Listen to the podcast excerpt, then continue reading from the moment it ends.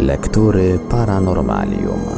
W dzisiejszym odcinku Lektur Paranormalium kontynuujemy lekturę książki Lucjana Znicza zatytułowanej Paleoastronautyka. Książkę rozpoczynającą słynny cykl Goście z kosmosu prezentujemy w odcinkach w całości. Zapraszamy do słuchania.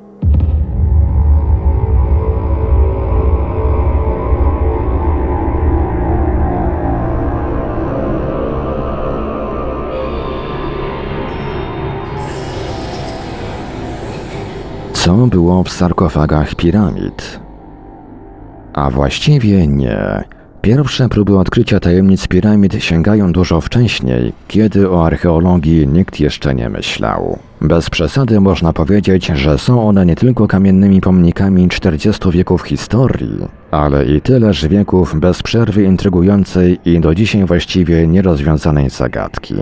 Już stare podania arabskie mówiły, że pod kamienną płytą Wielkiej Piramidy ukryte są sekrety broni, która nie rdzewieje zanurzona we krwi i wodzie, czy szkła, które zgina się nie pękając. W jednym ze starych rękopisów arabskich, odkrytym zresztą dopiero w XIX wieku przez Taylora, mówi się nawet, że piramida ta zamyka w sobie mądrość i osiągnięcia wszystkich nauk i rzemiosł, po to, by arytmetyka i geometria na zawsze pozostały dla tych, którzy zdolni będą je pojąć, a także położenie gwiazd i konstelacji i historia i kronika przeszłości i przyszłości.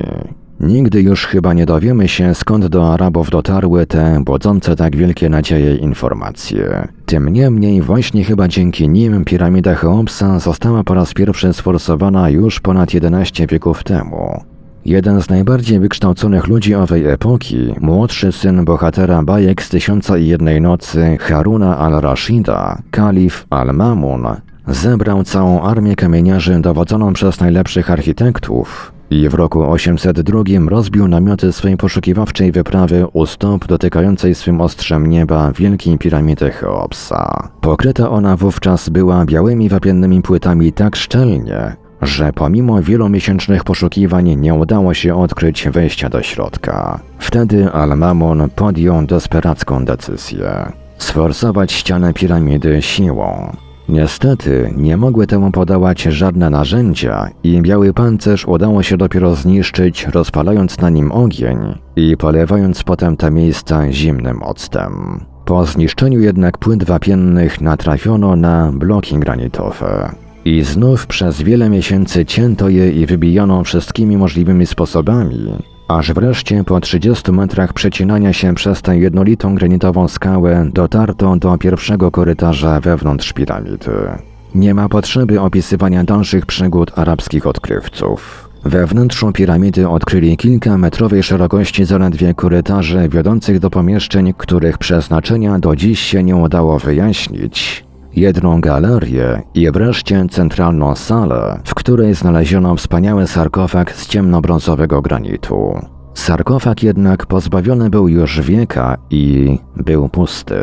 Legenda mówi, że Al-Mamun, by bodaj w części rozładować olbrzymie rozczarowanie swoich mrówek piramidy, jak nazywani poszukiwacze ich współcześni, Zakopał w galerii własną biżuterię, a następnie ją odkrył i rozdzielił pomiędzy wszystkich biorących udział w wyprawie. Ani legenda jednak, ani żadne wieści historyczne nie potrafią wyjaśnić nowych zagadek, które odkryła wyprawa Al-Mamuna. Kto i kiedy rzeczywiście pierwszy dostał się do wnętrza Wielkiej Piramidy, jak to uczynił, że nie pozostawił na zewnątrz najmniejszych śladów włamania, co stało się jego łupem z wnętrza sarkofagu, a nade wszystko dlaczego zabrane zostało kamienne w jego sarkofagu i jak je wyniesiono, skoro wielekroć przewyższyło ono rozmiarami wszystkie prowadzące skrypty na zewnątrz korytarza. Podobnie zresztą wygląda sprawa z pozostałymi piramidami w Gize. Także w piramidzie Mykerynosa znaleziono w krypcie grobowej tylko pusty sarkofag,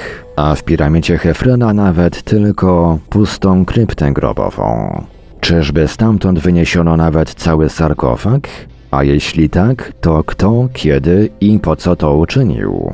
Czyżby po to, aby ukryć przed nami zamknięte w piramidach mądrość i osiągnięcia wszystkich nauk i rzemiosł?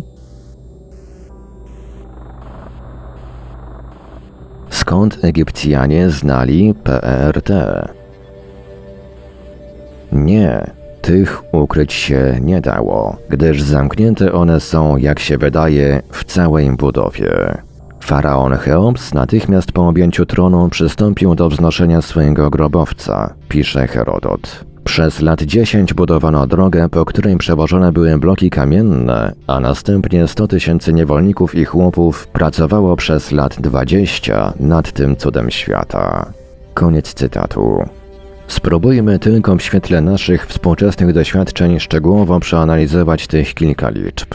Główne kamieniołomy, z których wycinano kamień, znajdują się po drugiej stronie Nilu w odległości około 15 km od Gizy. Można się dziwić, że tę zaledwie 15-kilometrową drogę budowano aż 10 lat.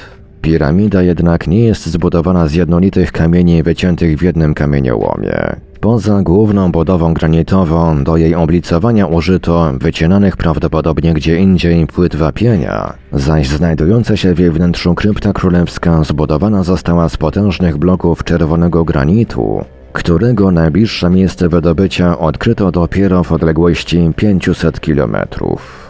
Jakiego rodzaju precyzyjne narzędzia były potrzebne, by wielkie kamienne bloki wyłupać w kamieniołomie, a potem należycie spiłować i nadać im właściwy kształt?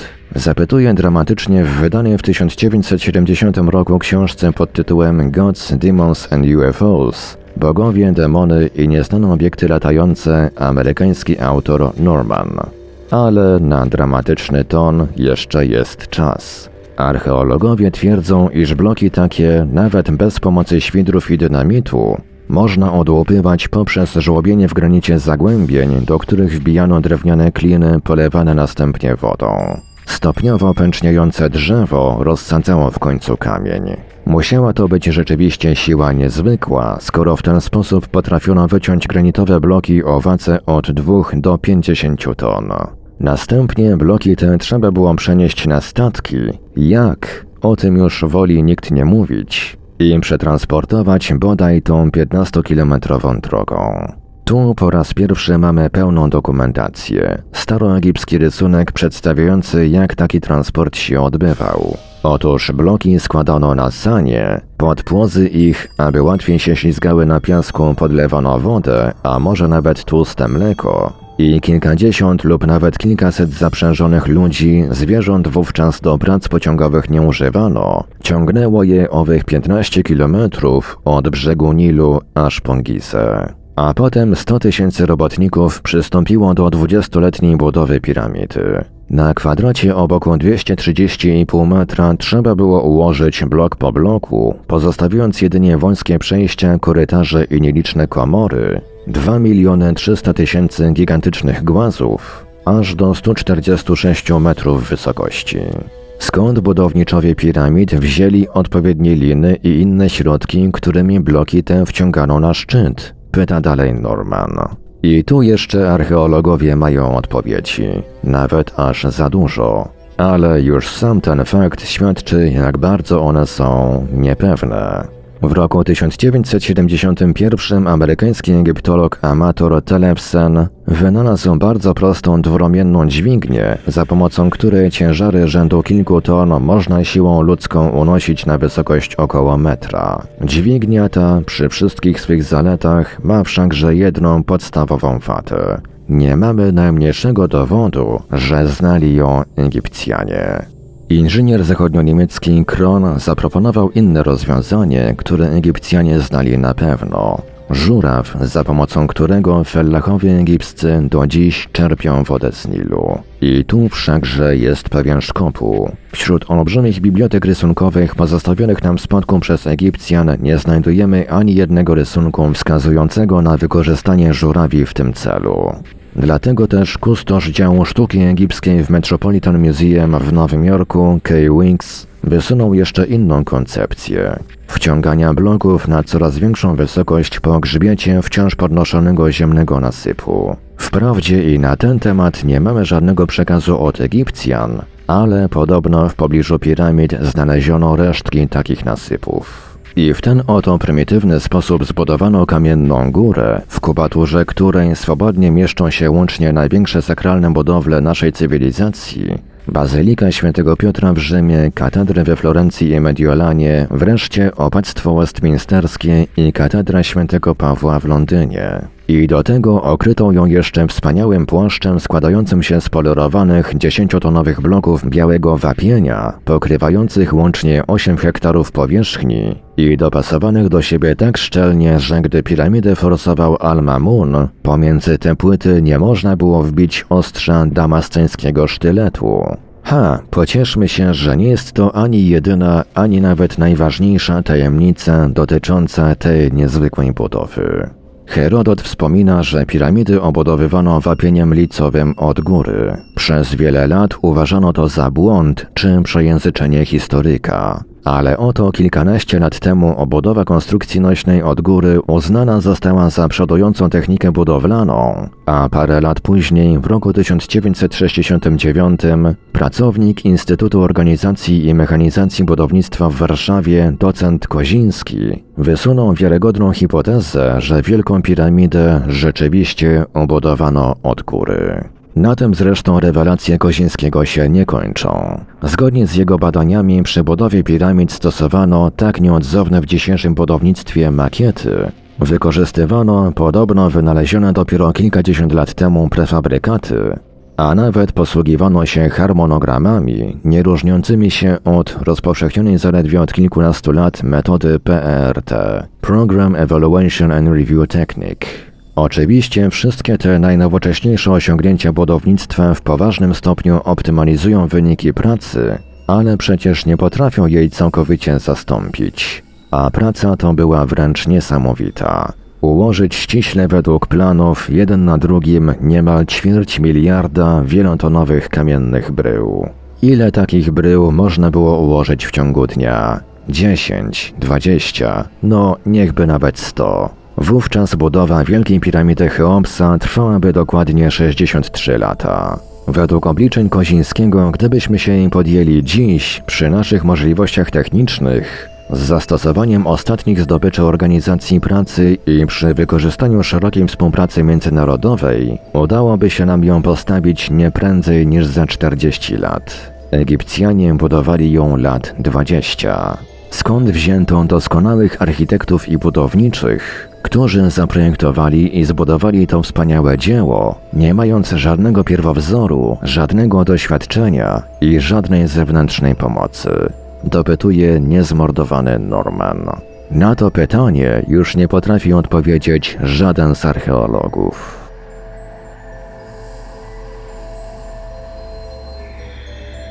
Piramida Cheopsa przemawia. Właściwie coś takiego w ogóle nie mogło być przez starożytnych zbudowane. Oświadczyli w końcu zgodnie współcześni eksperci. Ba, a przecież istnieje i nie tylko istnieje. Po 40 wiekach milczenia Wielka Piramida Cheopsa przemówiła. Okazuje się, że jest to nie tylko niewiarygodny wręcz pomnik techniki, ale i równie zadziwiającej nauki egipskiej. O tym, że Egipcjanie posiadali wysoko rozwiniętą wiedzę matematyczną, wiadomo było od dawna. Już ojciec historii, Herodot, stwierdzał w swoich dziełach, że geometrię wynaleziono w Egipcie i stamtąd przywędrowała ona do nas zaś Archimedes swoją edukację rozpoczął od wieloletniego pobytu w Egipcie. Na podstawie odczytanych hieroglifów wiemy dziś bezspornie, że w matematyce egipskiej istniał układ dziesiętny, przy czym znano tam zarówno liczbę tysiąca, wyrażaną łodygą lotosu, czy dziesięciu tysięcy, podniesiony palec, jak i miliona. Bóstwo z podniesionymi do góry obu rękoma. Oczywiście znane były również ułamki, wszystkie cztery podstawowe działania, a także potęgowanie i wyciąganie pierwiastka.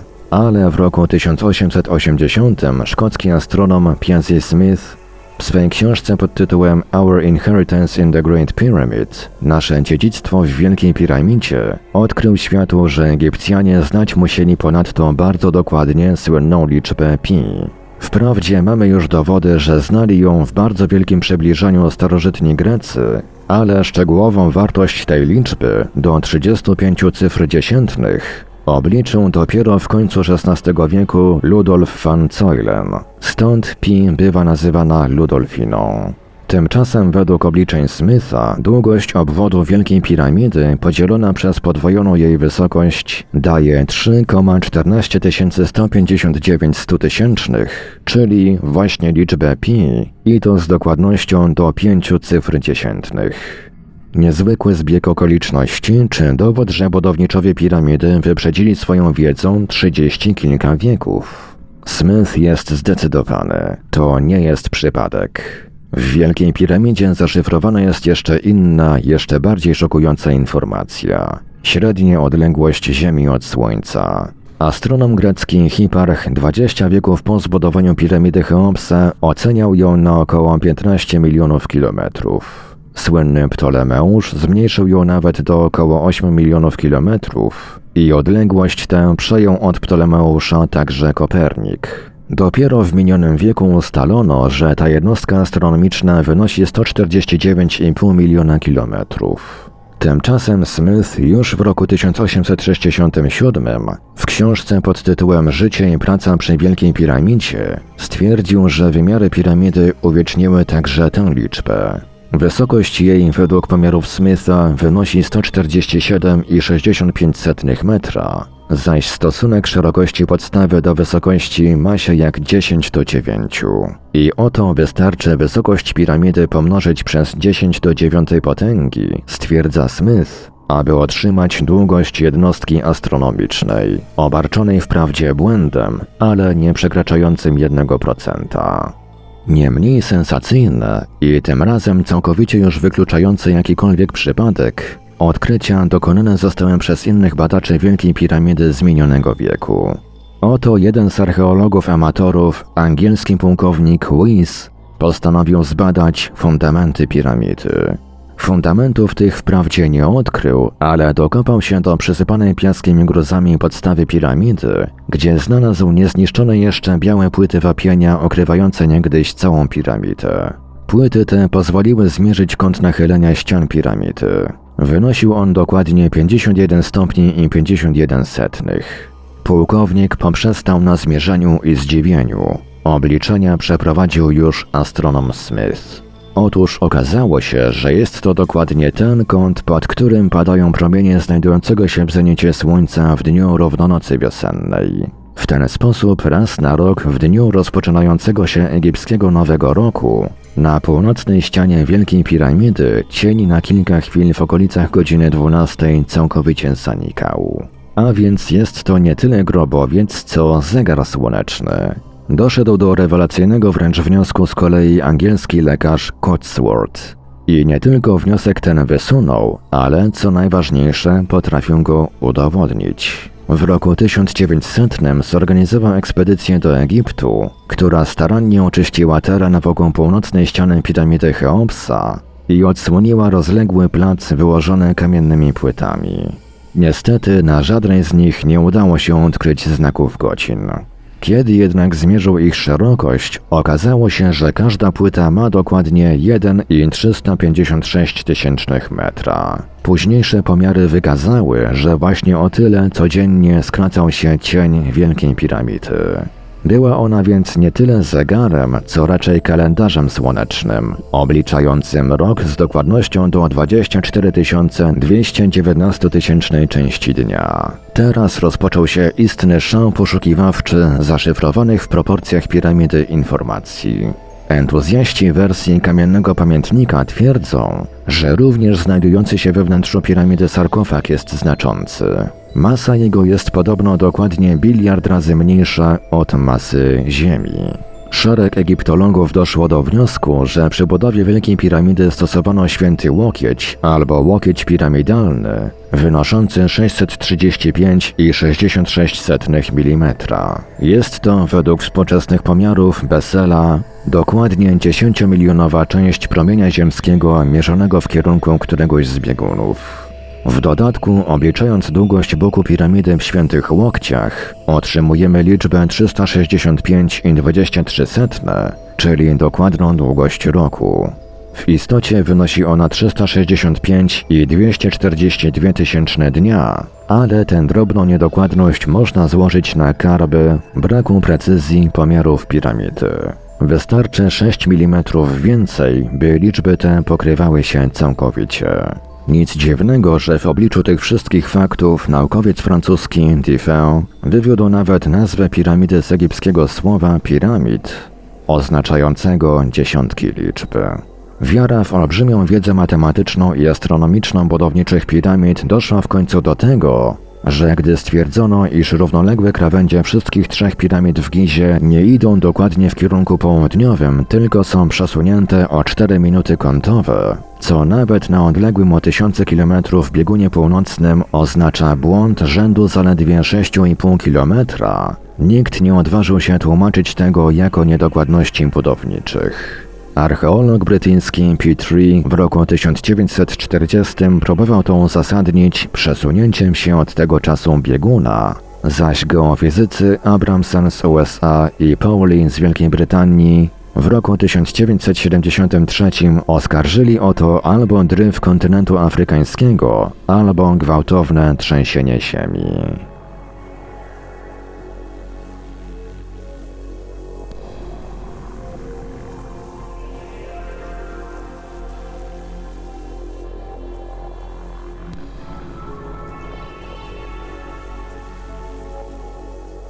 W Radiu Paranormalium zaprezentowaliśmy fragment książki Lucjana Znicza Paleoastronautyka. Dalszy ciąg w kolejnym odcinku Lektur Paranormalium.